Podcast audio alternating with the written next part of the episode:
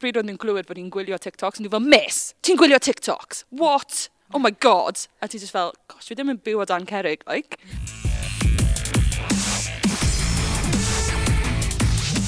Helo a chroeso i'r Sgarmes Ddigidol, podcast cynta ar gyfer chwe gwlad y merched. Felly, dwi wrth modd cael bod yma uh, yn lle mae'r merched yn ymarfer, y tîm cenedlaethol wrth gwrs, a dwi'n falch o ddeud fod Maswr Cymru, Elena Snowsill, a Clo Cymru, Natalia John yn ymuno efo fi ar gyfer y podcast yma. Helo chi'ch dwys, dych chi? Helo, iawn, diolch. Chi'n barod am podcast cynta? Dych chi wedi gwesteion cynta ni? Chi'n oh, What an honour, hei? Yn anffodus bod yn ni, ond iawn. Na, dy ddim yn anffodus o gwbl. Ydych chi teimlo'r pwysau ar ôl y fuddugoliaeth yn erbyn yr iwerddon, achos oedd pawb wrth i bod efo'r canlyniad y, y pobl oedd yn gwylio, y dorf chi, y, y wasg. Ydy hwnna di roed bach o bwysau ychwanegol yna chi? Do, mae yna ma dau ffordd o edrych yna fe. Ma, mae fe bendant wedi rhoi mwy o pwysau, a mae fe hefyd wedi rhoi lot o hyder i ni. So um, fi'n meddwl bod y ddoi yn, yn digwydd a gobeithio gallwn ni cael, cymryd yr hyder yna mewn. A, a fi'n siŵr bydd yr hyfforddwyr yn paratoi ni'n digon da i i allu ddim teimlo y pwysau gormod, ti'n meddwl? Oedd y gêm yna yn anhygoel. Dyna ni gyd yn cofio blwyddyn yn ôl, uh, pan wnaethoch chi golli o 45 pwynt i ddim yn erbyn Iwerddon, uh, Siwan Lily Crap yn cael cyfweliad emosiynol iawn ar ôl y gêm. Be oedd hwnna'n olygu i chi i, i ennill y gêm na'n enwedig gan gofio be oedd i ddigwydd llynydd? Siwt gormod, ti'n ond ni fod yn gweithio mor galed dros y flwyddyn diwethaf yn ymwedig dda'r cytudebau yma sydd wedi dod mewn. Mae wedi alluogi ni i gyd i weithio pob dim o gwmpas ein gêm ni. So, they're just cyfle, really, ni ddangos i bawb sut bod ni wedi newid oh yeah, they're just happy to dod o bant ar y top, really. Ie, yeah, i fi, oedd y gêm Iwerddon blwyddyn diwetha'n siŵr o fod un o'r pwyntiau isa yn, yn fy ngyrfau. O'n i yn agos iawn, o'n i'n meddwl bod fi'n mynd i droi fyny, ti'n modd, a dyna'r gêm nath really gorffen popeth off i fi, i fod yn onest. Um, a wedyn, os ych chi'n edrych nawr i, i 12 mis o flaen, mae fe siwr o fod y gêm yna un, un o uchafbwyntiau fy ngyrfa, achos i, i ddangos pa mor bell i ni wedi dod. Um, Mae ma, ma hyfforddwyr yn gwneud gymaint o wahaniaeth, gymaint o wahaniaeth. Mae'r contract sy'n gwneud wahaniaeth, ond i fi, y hyfforddwyr sydd wedi gwneud y wahaniaeth mwyaf. Um, o ran siwp maen nhw wedi delio dyn ni, siwp maen nhw wedi arwain ni a, a cefnogi ni hefyd. Sôn am yr hyfforddwyr ta, achos mae Johan Cunningham, eich prif hyfforddwyr chi cyn uh, rheolwr blaenwyr y Scarlets wrth gwrs wedi dod i fewn uh, a faint o arweinydd ydi o? Sut fath o hyfforddwr ydi o? Achos mae o'n edrych fel person clen iawn pam da ni'n cyfweld â fo neu'n clywed ar y teledu, ond dwi'n gallu bod yn chydig bach yn galad yna chi, bwysio chi, neu sut mae o, ti'n um, ôl i ddrysa caedig? Yn y ffordd, ie. Yeah. Ti'n mae gythu ni fod o gorau, ond y ffordd mae wedi dod mewn y just dod o fel positivity, wedi rhoi bach o ffydd yn ni fel chwaraewr i fynd allan i chwarae, nid lot o bwysau yn fel unigolion, ond just yn alluogi ni i chwarae. A dyna'r peth, ti'n mor, ti wedi gwella mwyaf yw'r ffydd yn ni fel chwaraewr i just i fynd i warau. Mae dy lot o parch i ni, a mae hwnna'n wedyn, ti'n tiwod, mae siwrt chi'n trin pobl os ych chi ar top y gêm, um, y, y sgwad neu, neu beth bynnag chi'n arwain, mae pawb arall yn, yn dilyn wedyn. Um, so i fi, mae, mae fe, pryd chi'n gweld e mewn cyfweliadau, dyna siwm mae fe siarad yn ni mewn, mewn um, mod, cyfarfodydd tîm.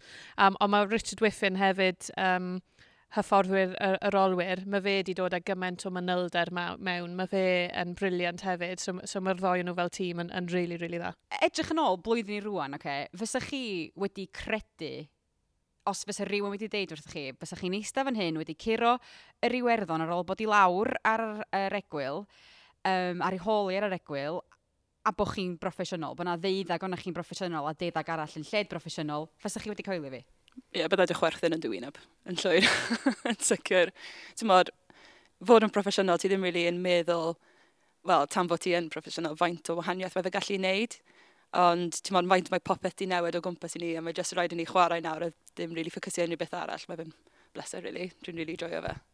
Ie, yeah, i fi, y doi peth mae bod yn broffesiynol wedi gallu dod i ni mewn amser byr um, yw'r manylder yna, yr, yr amser i allu fynd dros right, beth maen nhw'n neud yn y lein, beth maen nhw'n neud yn yr olwyr, beth ni'n mynd i wneud, a rili really gwybod manylder ni. A pryd ethyn ni mas i werddon, gethon ni bron dim un cyfarfod, achos o'n i wedi wneud y gwaith i gyd yn yr wythnos cyn ni neu yn yr wythnosau cyn.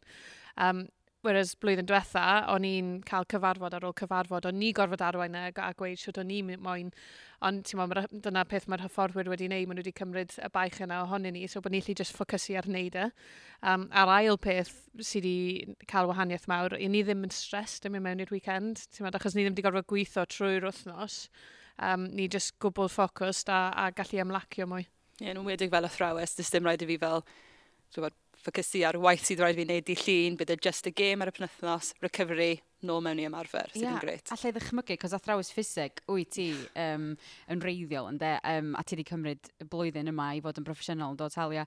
Um, ydy bod yn broffesiynol ta, yn popeth oeddech chi'n meddwl fysa fo, neu os yna unrhyw beth sydd wedi syni chi am ella bod yn chwarae rygbi o ddydd i ddydd, neu rhywbeth oeddech chi ddim yn disgwyl ella?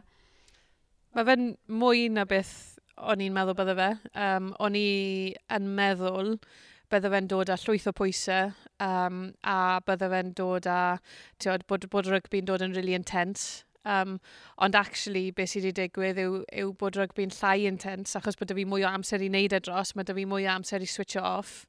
Um, a mae'r pwysau, o'n i'n meddwl i'n hun actually, wel, oedd y pwysau yna cyn fel chwaraewraig rhyngwladol anyway a oedd y pwysau'n fwy achos o'n i ddim yn teimlo'n digon wedi paratoi digon. So i fi mae'r pwysau'n llai a sa'i di gallu gweld dim un ochr negyddol eto, mae fe dal yn diwrnodau cynnar, ond i fi yeah, mae fe jyst yn briliant. O'n i, on i really ddim yn meddwl bydde fe'n neud gymaint o wahaniaeth yma fy wedi. Dwi'n cytuno'n llwyr i ti fyna. Ti'n modd, o'n i ddim rili'n really ffocysu ar rygbi ar ben ei hun, ond nawr mae ganddyn ni'r cyfle. Ond hefyd, bach, falle'r tension, fi ddim rili really yn disgwyl y maint, y maint o fe ni wedi derbyn ar ôl y gêm yn enwedig, ti'n y comment positif ni wedi derbyn ar-lein.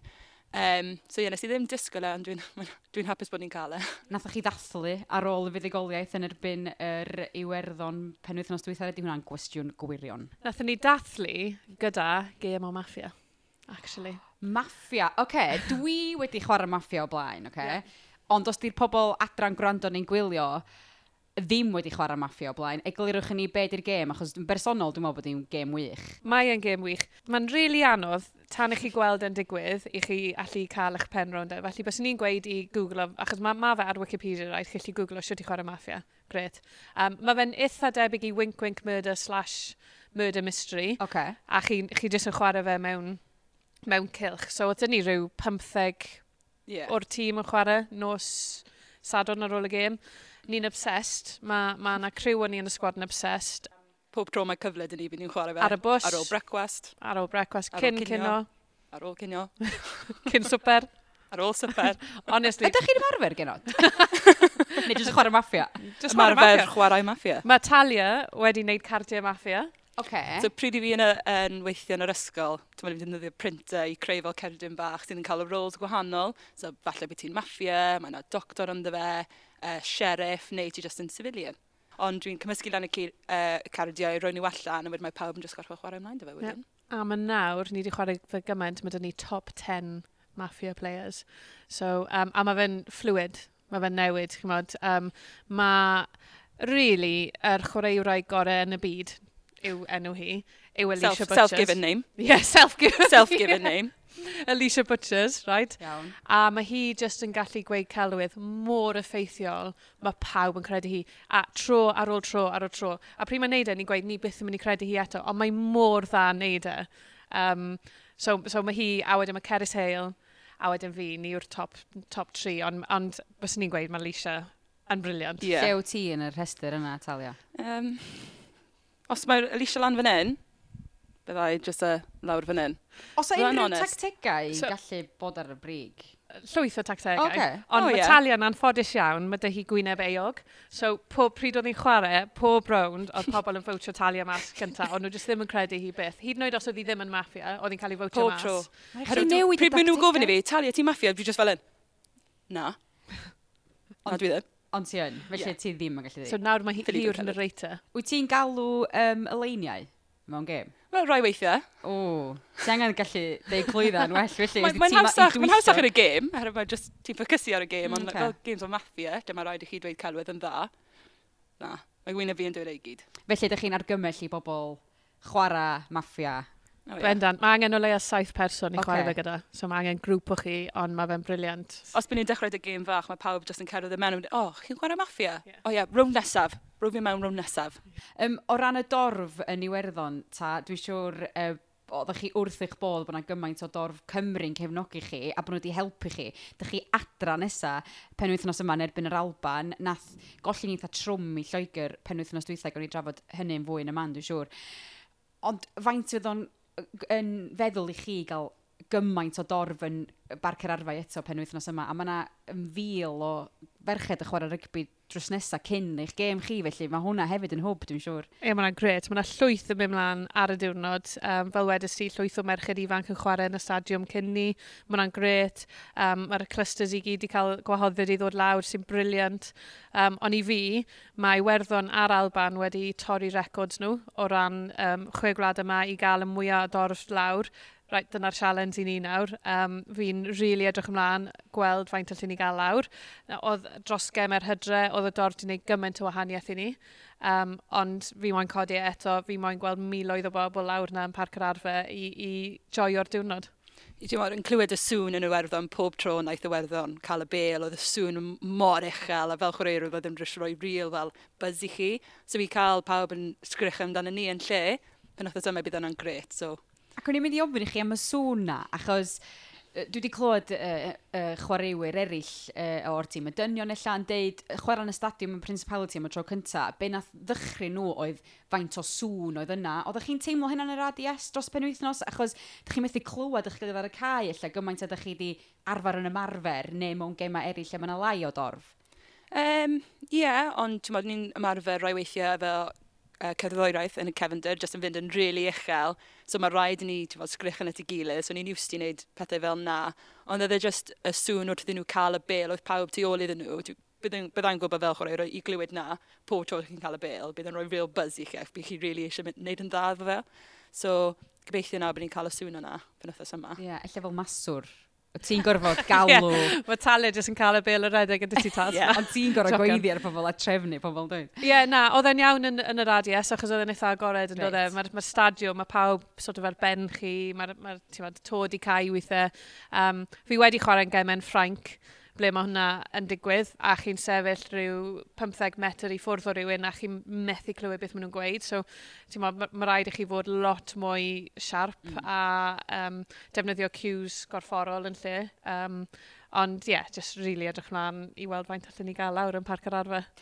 A ddech chi'n sôn o yma Natalia am chwarae cerddoriaeth. Pwy ydy'r DJ yn y garfan yma a e, pa fath o gerddoriaeth ydych chi'n licio gwrando arno fo, neu os na chydig bach wrth daro rhywun yn licio rhywbeth i rhywun arall ddim. So mae yna ymwedig efo'r forwards yn y gym, mae yna tipyn bach o gwrthdaro. Mae Cecilio fel main DJ ni, ond mae Gwen Crab really eisiau cael y teitl fyd, so pob cyfle mae hi'n cael. o, oh, byddai'n chwarae cyfroddau fi, ond mae pawb jyst yn mynd, o, oh, oh, na. Mae, hi, mae Gwen yn offi cyneuon heb geiriau. Heb geiriau. Oce. Okay. Ond, ti'n bod, ns, ns, ns, ns. A pryd ti'n codi pwysau, mae'n iawn. Ond mae Cecilia yn cael cyrroddiad, like, feel good music, lle mae pawb yn just yn dawnsio yn y gym, a ni dal yn codi pwysau uchel, so mae bendant yn helpu. Ie, yeah, a wedyn ar ôl gêm, um, ar ôl gêm yma, a ni wedi bod yn neud yn, yn yr hydre, uh, mae pa, Proud Mary, Tina Turner mewn mlaen, a mae pawb yn dawnsio yn y, yn y stafelloedd newid. Um, mae Kelsey yn really joio wneud y dawns yn dwi, e? so mae hi yng nghanol hi yn neud y dawns llawn. Dwi'n so. caru'r gan yna, a mae o'n gymaint oh, o gan i wthio chi mlaen, a, a hefyd i ddathlu, dwi'n gallu deall pan bod chi'n dewis y gan yna. Um, o ran y diwrnod ta, dydd dydd Sadwrn ac yn amlwg penwythnos yma. Be yn mynd trwy'ch pen chi cyn y gêm, gêm cynta o'ch pencampwriaeth chwe gwlad chi lenni? Sut ydych chi'n paratoi? Dwi'n meddwl fi'n nyrfys iawn mod, gêm cyntaf ni i ddangos i bawb sydd bod ni wedi datblygu fel chwaraewyr. Ond, o fi jyst fel la, jyst mynd ar y cae, wneud cari gyntaf, wneud tackle gyntaf, a bydd popeth arall yn dilyn, really. So, they're just yn ffocysu ar job yn cyntaf fi am y gêm, beth dylai fi wneud ym mhob rhan o'r gêm, a bydd popeth arall yn dilyn. Ie, yeah, ar, y, ar y penwthnos, oedd e'n sort of... Um, oedd e'n eitha relaxed yn camp. Um, oedd ni digon o amser i allu joio cwmni'n gilydd. A, a'r challenge gyda um, kick-off chwarter i bimp neu unrhyw beth really ar ôl doi'r gloch yw siwrt chi'n safio egni chi, ond eto neu'n siŵr bod chi ddim yn rhy blinedig neu'n lethargic pryd chi'n dod mewn i'r gêm. So, um, gatho ni brecwast rhwng 8 a 10 a wedyn nath eitha bron pob un o'r sgwad cerdded i, i siop coffi o'n i wedi ffindo rhyw 10 munud ar, ar management. Oedd e'n lle lyflu, pawb jyst yn ymlacio yn yr hael a, a cael coffi. Wedyn dod nôl a wedyn chi'n cael bach o unit um, walkthrough, so ble mae'r blaenwyr yn mynd off a neidio o gwmpas a ni'n ni neud pethau gyda'r olwyr. Um, a mae hwnna jyst yn amser wedyn, ar ôl chi cael hwnna, mae'n amser ffocws wedyn, so mae popeth arall nawr yn dod am, am y gêm, cwploriau cyn y gêm, chi'n cael pryd cyn, cyn mynd, um, chi'n cael pancws a yeah. pwdyn reis a pethau fel la. Um, roi a, egni chi. I roi egni, ie, yeah, llwyth o cabs. Um, a wedyn Carbod. chi ar y bws a, a dyna wedyn pryd chi'n paratoi at y gêm sôn am fwyd, okay. um, dwi wrth y modd efo bwyd. Be ydy eich pryd cyn gêm chi, y noson gynt, pre-match meal fel petai? Unrhyw beth efo carbs, popeth efo carbs, okay. tatws, unrhyw beth. Mae'n rhaid i carb load cyn y gêm, so mae ganddyn ni digon o egni y dydd nesaf. Ond mae Eleanor eitha e ffysi efo'i fwyd. So, da chi ddim yn sticio i'r un peth, rhyw un fath o fwyd noson cyn gêm? Wel, ni mewn hotel yn dyn ni, so mae'r bwyd yn cael ei roi i ni. Um, okay. So, mae um, nutritionist ni yn gweithio a, a maen nhw'n rhoi bwydlen i'r hotel. A fel arfer, ni'n cael yr un bwydlen wedyn yn, yn pob hotel ni'n mynd i. Yn amlwg, mae rai um, hotels yn gyda interpretation ei hun ar, ar y bwydlen. Um, Ond ie, yeah, pasta ges i, pasta a pysgod a, a saws tomato.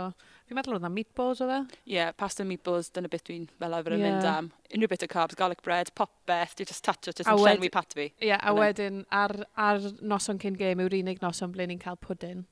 So, achos maen nhw moyn i ni bwyta gymaint ni ei gallu. Yeah. So, um, crumble.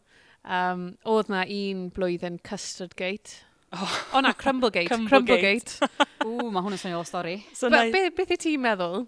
Crumblegate. Ie. Yeah, Fyswn ni'n dychmygu, uh, oedd na un ddim crumble, pan oeddech chi fod i gael crumble, neu oedd na ddim digon o topping ar y crumble. O, dyna ni. yeah. so, oedd oedd pawb yn cael y crumble cyn y game. Sa'n gallu cofio lle ni'n aros. Yng Nghaerdydd, efe? Yng Nghaerdydd oedd e, dwi'n meddwl.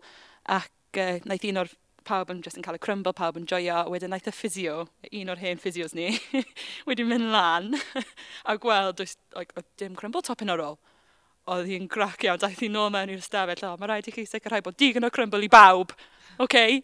A pawb yn just fel... Fel hwn. Nath rhywun gyfadda? rhywun yn trio... Na, fi just yn cael fy crumble, cig fi fel. Oh. Nath neb gyfadda, so ni byth di ffind o mas pwy nath e. TikTok hefyd yn ôl i chi. Yeah. yeah. A dwi'n gwybod bod chi'n joio wneud TikTok o, oh, dwi just ddim yn digon cool. Na, na fi. Tymod, dwi just yn gwylio'r ferched yn neud e, yn dawnsio. Ie, yeah, wel, oh, Cira, well, mae'n meddwl bod hi'n lad yn dwi. Ie, yeah, mae pawb yn chwerthin ati. Nib, a mae hi'n credu bod ni'n chwerthin efo hi. Na, mae Ciro'n hoffi wneud y dawnsio. Mae Cecilia yn amlwg yn wneud y dawnsio. Ceris Hale di dechrau wneud... Mae Ceris Hale yn wneud rai really doniol, actually. Mae hi... Um, oh. Mae'n meddwl mewn ffordd bach o wahanol. Um, so mae hi wedi bod yn wneud memes eitha ffynnu. Oedd hi mm. gweud wrth fi pa actually. O, nes i just... Oni, achos mae, hi, mae pawb just sort of yn experimento, dyn nhw, achos mae bach yn newydd i ni. A ddi fel, o ie, nes i just roi random meme lan. Um, o'n i just fel trial, trial o dde. O'n i ddim hyn oed i wneud gwallt fi. A e'n viral mi mwyaf sydd wedi cael mwyaf o Dyna views. Dyna peth gweitha fe fe. Didn't even do a re. Ie, yeah. yeah, sa chdi'n... Wel, o, ti'n dyfaru achos mae mynd yn viral. Yn... Dyna di'r pwrpas ydy yma. Yn union, yn union, ie. Yeah. Sa'n digon clefer i'n meddwl am unrhyw memes, do. Mae Ceres yn rili really dda dy fe, ond pryd dwi'n creisio meddwl, like, dim byd yn dod i pen fi o gwbl. Ia, yeah, na. Da chi... Sa'n neb yn yr... Pan oeddech chi'n dysgu yn yr ysgol, oedd plant dwi'n siŵr wrth i bod yn ei TikTok. Oh, Fes ti'n cael syniadau gen nhw? Wel, bryd oedd nhw'n glywed bod hi'n gwylio TikToks, nhw fel, miss, ti'n gwylio TikToks? What? Oh my god! A ti just fel, gosh, dwi ddim yn byw o dan cerig, like. Ond, ie, um, yeah, dyle fi rhoi neges i nhw, really, i ofyn iddyn nhw. Um, ond dwi'n cofio gweld, sa'n gallu cofio pwy naeth roi lan yr un fwy o diweddar, ond nes i edrych ar y comment yn dweud, e go Miss John. So nhw'n amlwg yn gwylio. O, nes i fod Mae nhw amlwg yn gwylio fi. Be, yn chwarae yn y gêm? Neu ar y TikTok? Na, just ar y TikTok. Mae hynna'n briliant. Efe un gwenllia nath i? Yeah. So, so oedd hi wedi gwneud un, um, I'm passing the phone to um, the fastest player in the team. O, wedi rhoi y jazz yma jazz yn gweud. A ti'n mynd ffind o mas beth mae pobl wedi gweud amdano ti. So, obviously, Alicia wedi gweud, I'm passing it to the second best mafia player in the team. Anyway, um, un fi oedd the e? biggest drama queen yn y tîm. Oh, Ie, pam bod ti'n drama queen? Oedd yn o'r gallu ateb y cwestiwn yna? Gwybod? Oh, ah, mae Talia... Um, yeah, ti yn gallu bod yn dramatic, ydy yeah. ti? So, pryd nath i um, y spel yn ôl, pryd nath i cael bach o knock yn ymarfer, oedd na big sioi amdano fe, oedd e, oedd hi'n cerdded mewn, neud yn siŵr bod pawb yn gwybod amdano fe. So. Oh, na, oh, pawb, just eisiau bach o fel. just, bach Sympathy. o maldod. Ges di'r sympathy? Na. Na, dwi'n ddim yn cael e. Dwi'n Ges i, o, oh, mae Talia di dod mewn, o, dyna hi. Dwi pobl ddim yn cael sympathy yn y sgwad os chi'n gofyn amdano fe. Hyd yn oed os ti'n gorfod mynd i cael uh, llawdriniaeth? O, falle, falle pryd na, falle. Okay. Yeah. Ond os wyt ti'n dod i fewn, di anafu, okay, dwi'n rhoi dyfynodau ar hwn, um, a wedyn ti'n chwarae'r wythnos wedyn, ti'n gallu dall ella pam bod nhw. Neu dwi'n just yn really tough. Ia. Dyna pam. Oh, Na ni fynd efo'r un yna. Yes. Yeah. Definitely. Reit, mae rhaid ni drafod... Dwi'n mwynhau jyst gael sgwrs am bethau sydd ddim yn neud efo rygbi, ond mae rhaid ni drafod yr Alban pen wythnos yma, dyna pwy ydych chi'n gwynebu. Sut ydych chi'n teimlo at hon? Achos eh, mae'r Alban, fel nath ni sôn yn gynharach, wedi colli'n drwm i Lloegr sy'n dîm, un o'r tîmau cryfa yn y gystadleuaeth. Um, ydyn nhw'n mynd i fod eisiau talu'r neu dangos i bawb be maen nhw'n gallu neud a bod nhw ddim o'r wael a ella oedden nhw wedi dangos yn y sgôr yn erbyn Lloegr. Ie, yeah, wel, ti'n iawn fyna, oedd y sgôr yn, yn eitha wael, ond os, os nes ti wylio'r gêm, oedd perfformiad nhw wedi gwella gymaint o perfformiad nhw yn erbyn Lloegr blwyddyn diwetha, oedd y sgôr ddim rili really yn adlewyrchu y siwt ath y gêm. O'n i'n gwylio fe yn camp mm. cyn gêm ni, a chi mod, 30 munud mewn oedd Lloegr rhyw 30 pwynt i fyny, ond yr Alban oedd wedi wneud yr holl chwarae, um, a Lloegr jyst yn sgorio, chi mod, o, o cymal cyntaf falle, neu jyst o camgymeriadau'r Alban. Um, nes i siarad y cwbl o'r merched Lloegr, a wedyn nhw bod, bod Alban lot well na na gen nhw wedi bod o'r blaen, bod amddiffyn nhw'n rili really dda, wedi gwella lot. Maen nhw'n amlwg wedi cael llwyth o amser dy gilydd um, achos bod nhw wedi bod trwy um, qualifiers cwp yn y byd. So maen nhw'n mynd i fod yn challenge mawr, fi'n meddwl. Ie, yeah, byd nhw'n nhw brifo o'r penwthnos mm. yn wedig, ti'n modd, nhw eisiau brofi i pawb bod nhw wedi ar ôl nhw ennill, ti'n modd, wedi cael ffordd mewn i cwpan y byd, maen nhw eisiau profi i bawb faint bod nhw wedi dyblygu eu hun nhw. Ond, ie. Yeah. Sorry, diolch. Ond ie, yeah, byd nhw'n nhw brifo o'r penwthos diwethaf, so bydd e'n gêm really anodd. So yn credu mae rhaid i ni anghofio beth sydd wedi digwydd yn erbyn y werddon. Falle cymryd learnings a, ac just really ffocysu ar y gêm yma, herwydd bydd e ddim yn walkover.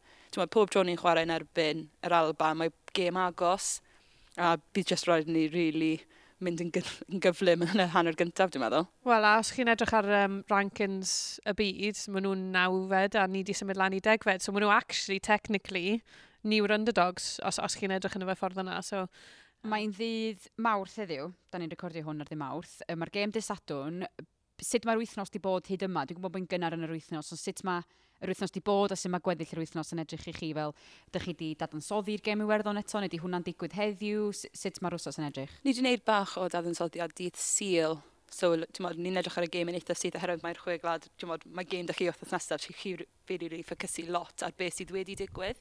So, ti'n modd, sydd ar ôl y gêm, byd ni'n rili edrych yna fe. A nawr, byd ni'n just yn ffocysu beth, fel, beth allan ni cymryd o'r gêm y werddon i fewn i'r gêm yn erbyn yr Alban. So, byd ni jyst yn edrych efallai ar line-out yr Alban, um, sut y ffordd bod nhw'n chwarae a sut gallen ni addasu gêm ni i cael y fuddugoliaeth. So, ni wedi cael diwrnod off ddoi. Oedd yn lyflu ar ôl hedfan nod i syl ni'n ymarfer heddi trwy'r prynhawn, um, diwrnod arall off fori, a wedyn ymarfer dydd iau mewn i camp. Um, bydd ni falle bach o walk-through di Gwener yn Parc yr Arfer jyst i gyfarwyddo, er ni'n ni, ni di arfer chwarae yna. Eithydd gyfarwydd. a wedyn, ie, yeah, mewn, mewn i'r gym di Sadwn. Ac o ran y merched sydd ddim uh, efo cytundeb neu rei sy'n lled broffesiynol, pryd maen nhw'n ymuno efo chi wedyn, sut mae hynna'n gweithio? Ie, yeah, mae fe'n anodd. Fi'n fi meddwl bod e'n rili really anodd iddyn nhw, achos er enghraifft heddi, bydd y merched sydd gyda cytundebau e yn dechrau dod mewn am un. Mae dyn ni sesiwn sgil um, unigolion, fel bys ni'n neud bach o cico a pethau fel la. Um, mae hwnna'n digwydd am hanner di un. Wedyn mae ydych chi amser i gael ffisio neu massage. A wedyn mae yna gym a units yn dechrau o pedwar. So mae'n rili really rhaid nhw drio cyrraedd o am pedwar. Sy'n eitha anodd os ydych chi swydd llawn amser. Um, a wedyn byddwn nhw'n ymuno ni eto yr un, yr un drefn dydd iau, a bydden nhw wedyn yn camp dyn ni nos iau, bydd rhaid nhw gael di Gwener off gwaith. Reit, dwi'n deall. O, o ran chi'ch dwy ta, dych chi'ch dwy efo cytundeb, un o'r cytundebau proffesiynol yma, a dych chi hefyd yn chwarae fristau, ddwy chi chwarae mm. i'r un tîm, felly dych chi'n nabod eich gilydd yn dda iawn. Um, sut mae hynny'n gweithio efo'r cytundeb proffesiynol efo Cymru a bristau? Sut mae o'n gweithio? Wel, mae'n alluog i ni i fynd i ymarfer yn y dydd lan yn Bristau, sydd yn dda, herwydd mae'r um, mae rai fy nhw Lloegr yn chwarae i Bristol, ti'n mod, Abbey Ward, Sarah Byrne. So mae'n rhoi cyfle iddyn ni ymarfer dyn nhw. Rhan amser am bod mae'r set-up yn Bristol yn, yn ffab, byd ni'n cael amser i fynd i'r gym, byd ni'n cael skills extra. So dyma ni'n really ffodus yn ffordd bod ganddyn ni'r set-up tu allan o Gymru ac i lot o ferchau sydd dal yn chwarae yn Gymru yn wedi o falle sydd ddim yn cael cytundeb, bydd rhaid nhw fynd nôl i clwb ac efallai bydd y safon yn, yn llai na beth bydde fe yn Lloegr, so ni'n really ffodus.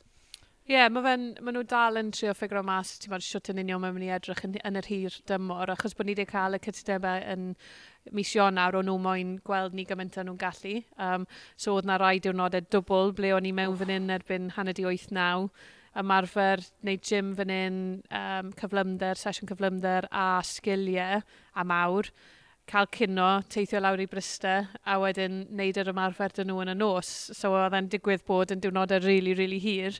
Nath hwnna ddim digwydd lot, ond nath e digwydd bach. So oedd hwnna'n anodd, ond oedd e dal ddim mor anodd a neud, ti'n modd, diwrnod llawn o waith, a wedyn yeah. mynd, mynd i rygbi. So fi'n meddwl, unwaith um, tymor nesa, unwaith maen nhw wedi cael tref, mae'r cwpan y byd i gorffen, byddwn ni wedyn yn gweld beth mae'n mynd i edrych fel mwy hir dymor, os byddwn ni clybiau bach mwy a wedyn mynd i Cymru um, yn agosach i'r tournament. Ie, yeah, mae newydd i bawb, mae'n cymryd amser Odi. i setlo, mm. ydy.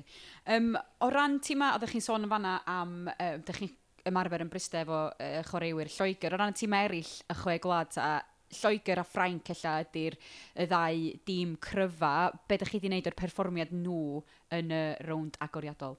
Ei fi, o'n i'n meddwl bod Ffrainc a Lloegr bach yn rysdi, fod yn onest. Um, o'n i'n yn enwedig fel na Lloegr chwarae yn, yn yr hydre a absolutely smasho Zela Newydd a Canada, ti'n tîm oedd gorau yn y byd. Um, o'n i'n disgwyl iddyn nhw llifo lot fwy. Um, o'n nhw'n edrych bach fel bod nhw moyn um, chwarae fel unigolion. Ti'n pawb moyn cais. Sy'n gallu digwydd falle pryd chi'n cyrraedd ti'n ma ble nhw nawr ar top top y byd. Dyna'r problemau efo'r gêm fel na, pryd chi'n mor dda, mae pawb wedi sy'n ddangos pam roedd nhw fel unigolion fel chi'n dweud. Ie, yeah, so, ti'n oedd, oedd yr Eidal, o'n i'n meddwl, debyg iawn i'r Alban, nath nhw roi perfformiad eitha da mewn yn erbyn uh, Ffrainc, a os allan nhw wedi gallu cadw'r pêl yn lle oedd na cwpl o camgymeriadau paso, ble os bys nhw wedi cadw'r pêl fyna, bys nhw wedi sgorio lot mwy fi'n meddwl. Um, a nath Ffrainc mond sgorio llwyth o ceisiau, ti'n meddwl, yn 20 munud ola'r gêm. So i fi oedd y ddoi nhw'n eitha rysti. Um, yn anffodus, ni chwarae nhw yn hwyrach yn y tournament ble bydden nhw probably wedi cael lot mwy. Bach. A dyna'r gemau ble fi'n meddwl, chi'n meddwl, byddwch chi dal yn gweld y wahaniaeth rhwng ni, achos bod nhw wedi cael môr hir gyda'i gilydd, a pryd chi'n broffesiynol dros yr hir dymor, chi, chi wedyn yn gweld yr effeithiau ffisigol ffisegol a, a popeth fel la. So, dyna'r wahaniaeth fi'n meddwl. Ond ydych chi yn gweld y gwahaniaeth yn eich, yn eich chi'ch hunain? Ydych chi'n teimlo'r gwahaniaeth? Dwi'n gwybod bod y mond i fod yn dau fus, um, ers i chi gael, o, oh, bron dreamus, ers i chi gael y cytundebau proffesiynol yma, ond ydych chi fel chwaraewyr yn teimlo fo yn eich hunain, ydych chi'n teimlo'r gwahaniaeth? Ie, yeah, dwi'n teimlo fel, fel bod fi'n y gryfach dwi wedi bod erioed. Um, falle mae dal sbel i fynd efo'r ffitrwydd. Um, ond na, ti'n modd, mae newidiadau wedi helpu ni'n llwyr. Um, mae dal lle i wella, dwi'n meddwl. Ti'n modd, dim ond tri mis fel ti'n dweud. So mae dal peth amser i ni really uh, gystadlu da'r tîmau top yn y byd. So gobeithio, cyn bo hir, byn ni yn. Ie, yeah, i fi, er, ti'n fel wedys i ar y dechrau, yr, yr manylder, yr amser i gael yna, a'r amser i ymlacio. So, fwy meddyliol emosiynol fi wedi gweld wahaniaeth mawr. Fi'n meddwl, a, ti'n dros y, y blwyddyn, falle erbyn cwpan y byd, byddwch chi'n gweld mwy, mwy o wahaniaeth eto pob lwc yn erbyn yr Alban dydd Sadwn. Diolch yn fawr iawn i chi am ymuno efo ni ar y sgarmes y ddigidol cynta chwe glad y merched. Mae wedi bod yn braf iawn cael eich cwmni chi. Dych chi wedi joio, dy'r cwestiwn? Really yeah. joio. Joio, diolch yn fawr. Dwi'n diolch yn fawr. um, Reit, rhaid i'n cadw chi, cos mae rai chi mynd yn ôl i ymarfer, neu fydd efallai fydd Iwan Cynning am dod allan i sgrechen arno mi, felly ni adl chi fynd. Diolch yn fawr iawn. A diolch i chi uh, am ymuno efo ni. Welwn ni chi tro nesaf.